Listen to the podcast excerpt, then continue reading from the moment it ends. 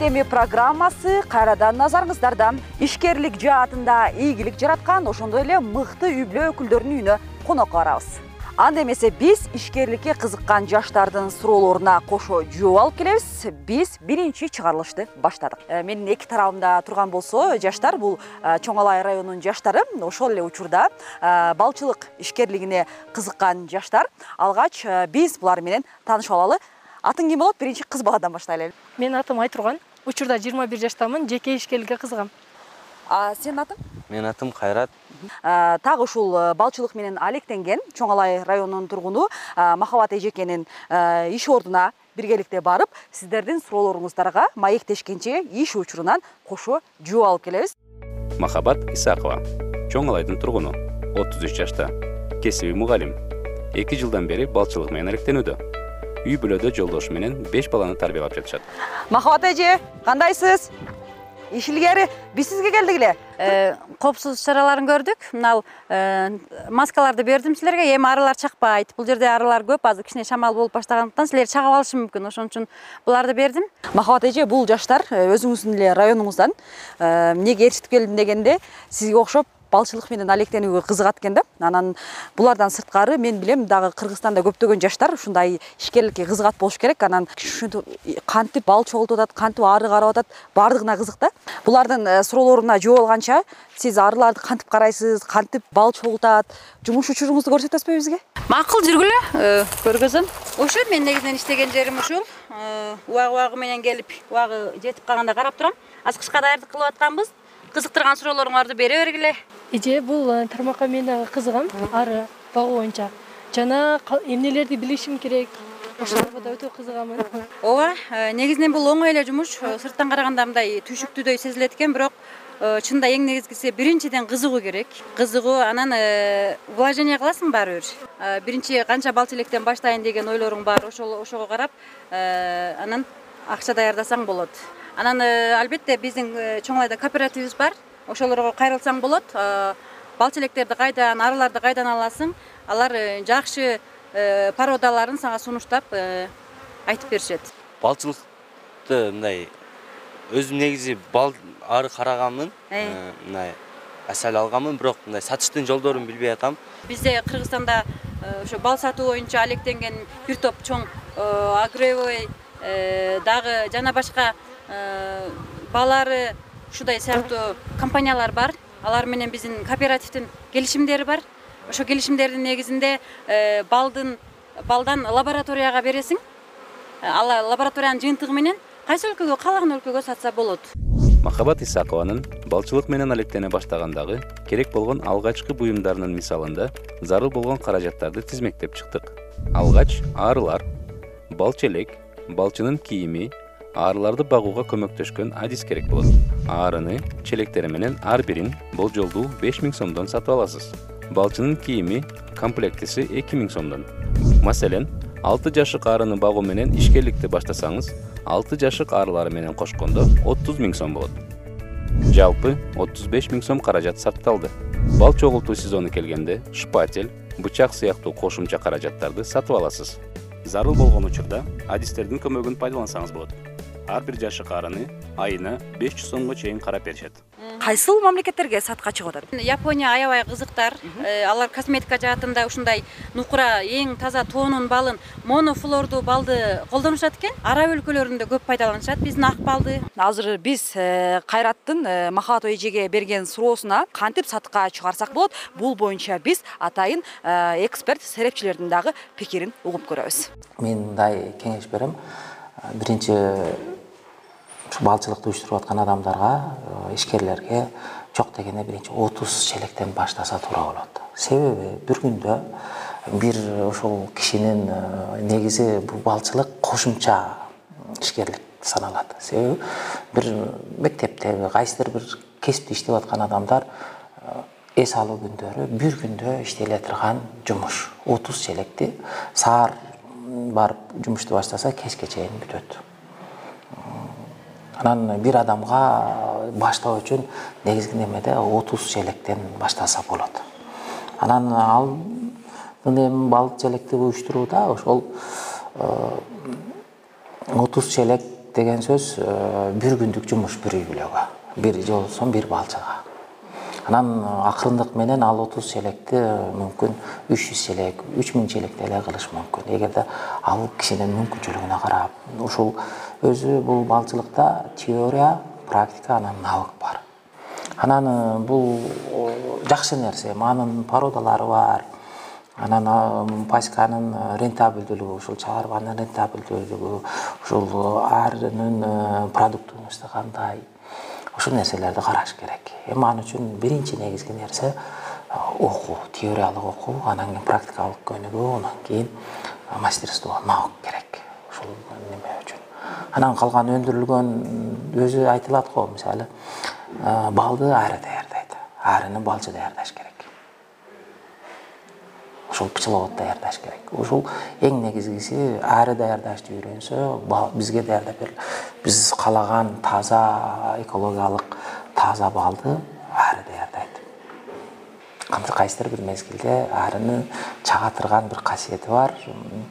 Ушул чакканга арынын уусу денеге киргенде ушул организмдин ушул ууга болгон каршылык иммунитети пайда болуш. Ayniqsa биринчи биринчи экинчи айларда ушул нерсеге көнүп алса анан балчы болуп кетет. Эң башкы тоскоолдук биринчи ушул. Кээ бир организмдер аллергия бериши мүмкүн. Ушул аллергияга каршы иммунитет көтөрүлгөнгө чейинки арада чыдаш керек. Анан эми ар бир адамдын өзүнүн тандоосу организм ушул нерсени кабыл алса уу чакканда реакция бербей башында кээ бир адамдарда ушундай организмине реакция берип калат бууп калат ушунчалык бир аллергиясы күчтүү болот. Аллергиясы болбосо эле баардык адам жасаса болот. Бал чарбасын уюштурса болот. Эң негизгиси бул э, аял кишилер үйрөнсө аябай укмуштуу. Аял кишилер үчүн жеңил жумуш. Үй менен беш тонна бал сатылат. Анан экспортко чыгарыш үчүн жок дегенде мага дагы он тонна бал керек болот. Мен он беш тонна бал өндүрсөм анан экспортко чыга алам болбосо ушул элибиздин бал менен спросту талабын аткарыш кыйын. Бал топтоодо мамлекетке салык төлөө каралган эмес. Ал эми даяр продукцияны сатуу боюнча ишкерлер салык кызматынан каттоодон өтүп балчылык менен алектенүү деген күбөлүк алышат анын негизинде элүү чарчы метрге чейин соода күркөсүн ачкан арычылар ыктыярдуу патенттин негизинде ай сайын салык төлөп турушат. Салык базасында төлөмдүн өлкө боюнча эң жогорку суммасы үч миң сом деп көрсөтүлгөн. Элүү чарчы метрден ашкан соода жайларын ачкан ишкер салыкты сатуудан түшкөн кирешенин үч пайызын төлөйт. Социалдык фондко камсыздандыруу төлөмдөрүнүн суммасы райондордо беш жүз жетимиш төрт сомдон башталып аймактарда түрдүү баада төлөнөт эже азыр мен сиздин жаныңызда э, бир аз турсам дагы бир аз коркуу пайда болду да. Себеби арылардын мындай ызылдап кеткенинен сиз бул кыйынчылыктан кантип чыгасыз? Да башында сага окшоп коркуп э, бакырып мындай арылардан качып эметчүмүн мындай башкача жандык катары кабыл алчумун да чынында булардын дүйнөсүнө киргенде аябай өзгөрөт экенсиң. Арыларды андай баягындай ызылдатпайын десеңер түтүн колдонсоңор болот. Тымар деген өзүнүн бир эмеси бар. Мен аны колдонбойм деле арыларга. Колдонбой эле карай берем. Анткени көнүп калганмын. Ушунча ишке өзүңүз жеке жетишесизби же мындай ушунун баары сизге оор болуп калат го дейм? Э, же башка бирөөлөр жардам береби? Э, бул бизнес жалгыз эле өзүм аркалап жатам десем болбойт. Сөзсүз түрдө үй бүлөмдүн жардамы менен ушул деңгээлге жетип жатам. Алар дайыма мени колдоп арыларды койгон жайтка алып келип кайра үйгө алып кетип турушат.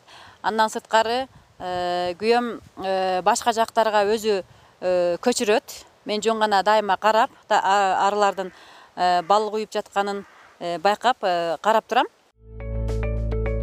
Бүгүнкү жумушум бүттү ушуну менен күйөөм дагы келип калды. Мени алып кетет азыр. Барып балдарды тамактандырыш керек. Жүргүлө мени менен кошо. Кандайсыңар? Жакшысыңарбы? Кой азаматтар? Жакшы жардам бердиңерби? Бүтүп койдуңарбы ишти? Ишти бүткөн болсоңор силерге кызыктуу болдубу ооба. Ары чаккан жокпу? Ушундай кызыктуу өтө сонун жумуш. Э, эжекеңерге мен дайыма жардам беремин. Э, бирок көбүнчө көпчүлүк ишти өзү жасайт. Азыр бүткөн болсоңор жакшы экен. Анда үйгө кирели дагы көптөгөн нерселер жөнүндө айтып берели арасында ушундай сагынып калат да булар жумуштан коноктор келди. Үч кызым бар эки уулум бар кана жүрөбүк эле коноктор сайтына конокторго чай даярып эле кызым. Нандан алганча отуруңуздар. Рахмат сайтына чай алып кел кызым. Силердин сыйыңарга рахмат. Э, буга чейин эми балчылык ишмердүүлүгүңөрдү көрүп келсек азыр атайын баягы бул жаштарды үйүңүзгө чейин жетелеп келип атабыз. Ишке- ишкерлигиңерден сырткары баягы үй бүлөлүк баалуулуктарды бактылуулук сырларын э, суроо жооп кылып маектешели депчи. Рахмат жакшы болот. Э, бүгүн мына э, аарыда болуп бирге чогуу болуп азыр мына тамак үстүндө э, сүйлөшкөнчө отурабыз. Менин биринчи эле суроом сиздерге э, биз сиздердин м, ары чарбасына барып келдик. Негизи эле бул пикир мындайча айтканда идея кимиңиздерден пайда болду. Бул чечимге биз жолдошум экөөбүз келгенбиз. Анткени ага чейин үй бүлө үй бүлөбүз менен бирге катышкан тренингтердин э, жардамы болду. Ошон үчүн э, биз үй бүлөбүзгө болгон чечимдердин баарын биргеликте кабыл алабыз. Э, бири бирибизди ар дайым колдоп толуктап турганга аракет кылабыз.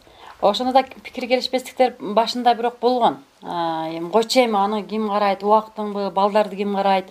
Э, ага убакыт керек. Э, аны эми каяктан үйрөнөсүң? Э, деп эми ал э, арылар дүйнөсү бизге табышмак болгон да. Ошентип анан көп унабай жүрдү.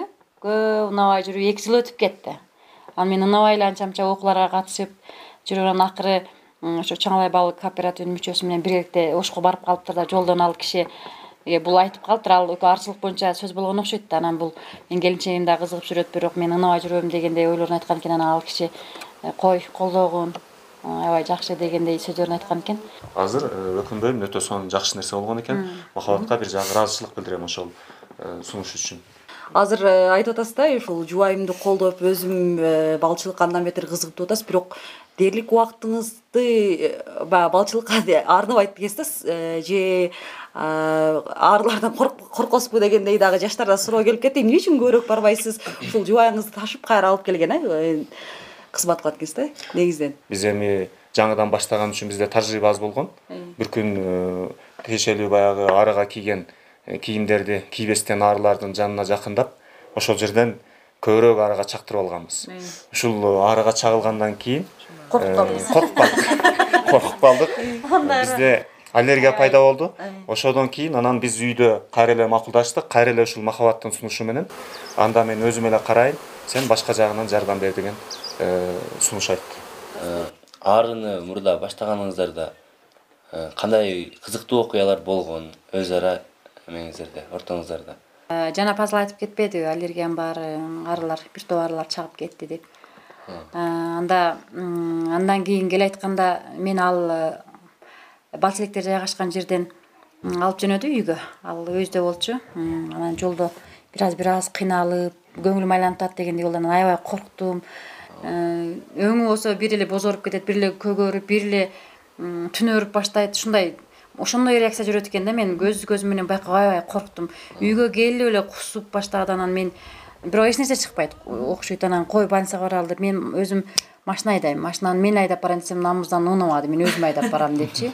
Анан больницага дагы караң жетти да зоргунантып атып машина мен үй мындай эле бурумчу деймин ошентип атып анан э, барып карап көрүшүп эле сразу реанимацияга түшүп калды анан жанында чебелектенип жүрөм доктурлар аягынан укол коет биягынан укол коет анан аябай эмне дешимди билбейм кыскасычы. Анан кудай кудай деп эле кечке кудайга жалынып анан муну нары жагына өтөм бери жагына өтөм эй! деп сүйлөсөм эч эле жооп бербейт. Эмне болуп атасыз? десем деле жооп бербейт мындай кээде кээде оор оор онтоп коет дагы анан бир маалда э, эми ал жерде практикага келген бекен кыздар алмак салмак укол коюшат карап чыгат анан. Ушу сулуу ушундай сулуу кыздардан алып берет элем тезирээк сакайып кетсең сулуусунан таап берет элем десем акырын көзүн ачып мен жакты карайт да. Азыр көрүп атабыз э, сиздердин беш балаңыздар бар экен. Ал эми андан сырткары иштейт экенсиздер э, бал чарбачылыгы дагы бар экен. Буга кантип жетишесиздер жана үй бүлөлүк э, ынтымагыңыздар кандай? Үй бүлөдөгү ынтымактын сыры негизги эле сыры биз бири бирибизди мүмкүн болушунча түшүнгөнгө аракет кылабыз. Анан сөзсүз түрдө үй бүлөдө бири биринин сунушун идеясын угуш керек ал жөнүндө ой жүгүртүп көрүш керек. Э, сөзсүз эле баардыгын мен чечем деген нерседен алыс болуш керек. Мисалы махабат көп эле сунуштарды айтканда кээде мен тескери кабыл алган менен бирок э, кайра бир жолу ойлонуп чыкканда сөзсүз түрдө колдой турган жакшы нерселерди айтат да.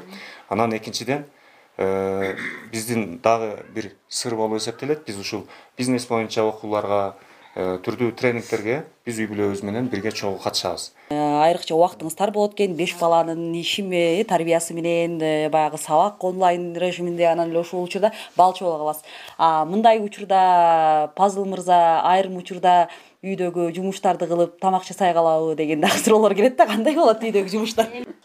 Балчылык менен алек болуп э, жумуш ишине кетти өзүнүн. Э, мен буну таштап келгенден кийин үйдө балдарым бар анан э, чоң кыздарым булар дагы колу бошобой калды сабак болуп атат сабак жүрүп атат. А бирок кичүү балдарымдын курсагы ачып кетти. И ошол эле мезгилде өзүмдүн дагы курсагым ачты. Анан махабат келиш керек. Жеңил тамактарды жасай берет деп азыр айтып кетти. Жумуртка куруп же болбосо шорпо кылып деген шорпо салабыз эт бышырабыз куурдак кылабыз. Эми кээде ошол баардык жагынан жардам бергенге аракет жасайбыз да. Үй бүлө болгондон кийин ар бир үй бүлөдө казан аяк кагышат ошондой учурда эле кимиңиздер биринчи түшүнөсүздөр жана кимиңиздер биринчи кечирим сурайсыздар бириңиздердин мамилеңиздерди билип турасыздар да? Мисал кылып толуктап айта турган болсок бизде пикир келишпестиктер ошол жанагы окууларга катышканга чейин көбүрөөк болот эле. Себеби дегенде бул э, менин жумушума байланыштуу иш сапарларда болгондо э, ушундай бир э, кечигип атасың келбей атасың дегендей бир ошол нерселерден көбүнчө пикир келишпестиктер чыкчу да. Кийин анан ушул окууларга экөөбүз үй бүлөбүз менен бирге катышып баштагандан кийин бизнести жылдыруу үчүн бунун өзүнүн ишмердүүлүгүн жылдыруу үчүн мен ушундай окууларга өзүм катыша албасам дагы жумушума байланыштуу буга уруксат берип баштадым. Ушуга уруксат бергенден кийин анан өзү көп нерсени түшүндү окшойт. Э, мисалы ош шаарында ушундай тренингтерге катышам деп үч күн же болбосо жумасына кеткен учурлар болот. Мен уруксат берип э, жөнөтөм. Себеби биздин э, бизнесибиз ишкерлигибиз алдыга жылыш үчүн да. Ошон үчүн ошо турмуш жолуна аттанып тандаган адам катары Э, буга жүз пайыз ишенем. Сыйлайм дегендей үй бүлөбүздүн кожоюну баягытан бери көп эле нерсени айтып мен тарапка отуруп койду окшойт чынында ушул кишинин айтканындай ушун бул да мени колдойт эми ошо. Сиздерге чоң рахмат. Аябай сонун ачык жооптор үчүн сонун маек үчүн деп айтам. Анан биз сыяктуу жаштарга үлгү болчу ошол сиздердин басып өткөн турмуш жолуңар үчүн. Ынтымактуу үй бүлө ишкер үй бүлө чарчаганды билбеген үй бүлө деп мен мисалы өзүмдүн жеке оюмда ушундай кабыл алдым да. Анан кайрат сенде суроо барбы жок баары ойдогудай жакшы. Айтурган. Жок менде деле суроо жок баары ачык айкын жооп берди деп ойлойм демек э, сиздерге ыраазычылык билдиребиз ушул мына жаштарга бизге ишкерликтин анан экинчиден бактылуу үй бүлөлүктүн символун көрсөтүп берип атасыңар.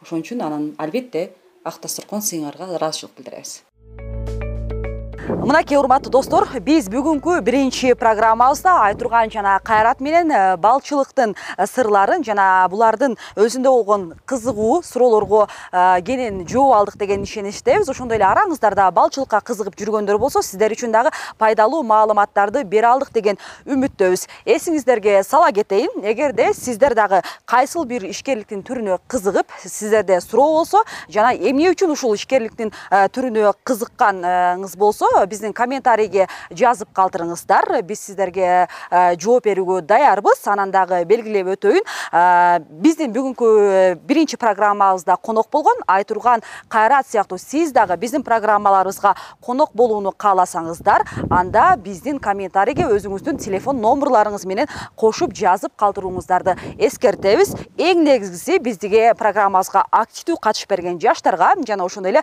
мыкты комментарий калтырган биздин интернет социалдык тармактын колдонуучуларына өзгөчө белектерибиз бар экендигин эскертебиз. Ал эми биз болсо эл этеми программасынын биринчи чыгарылышын жыйынтыктайбыз. Сак саламатта калыңыздар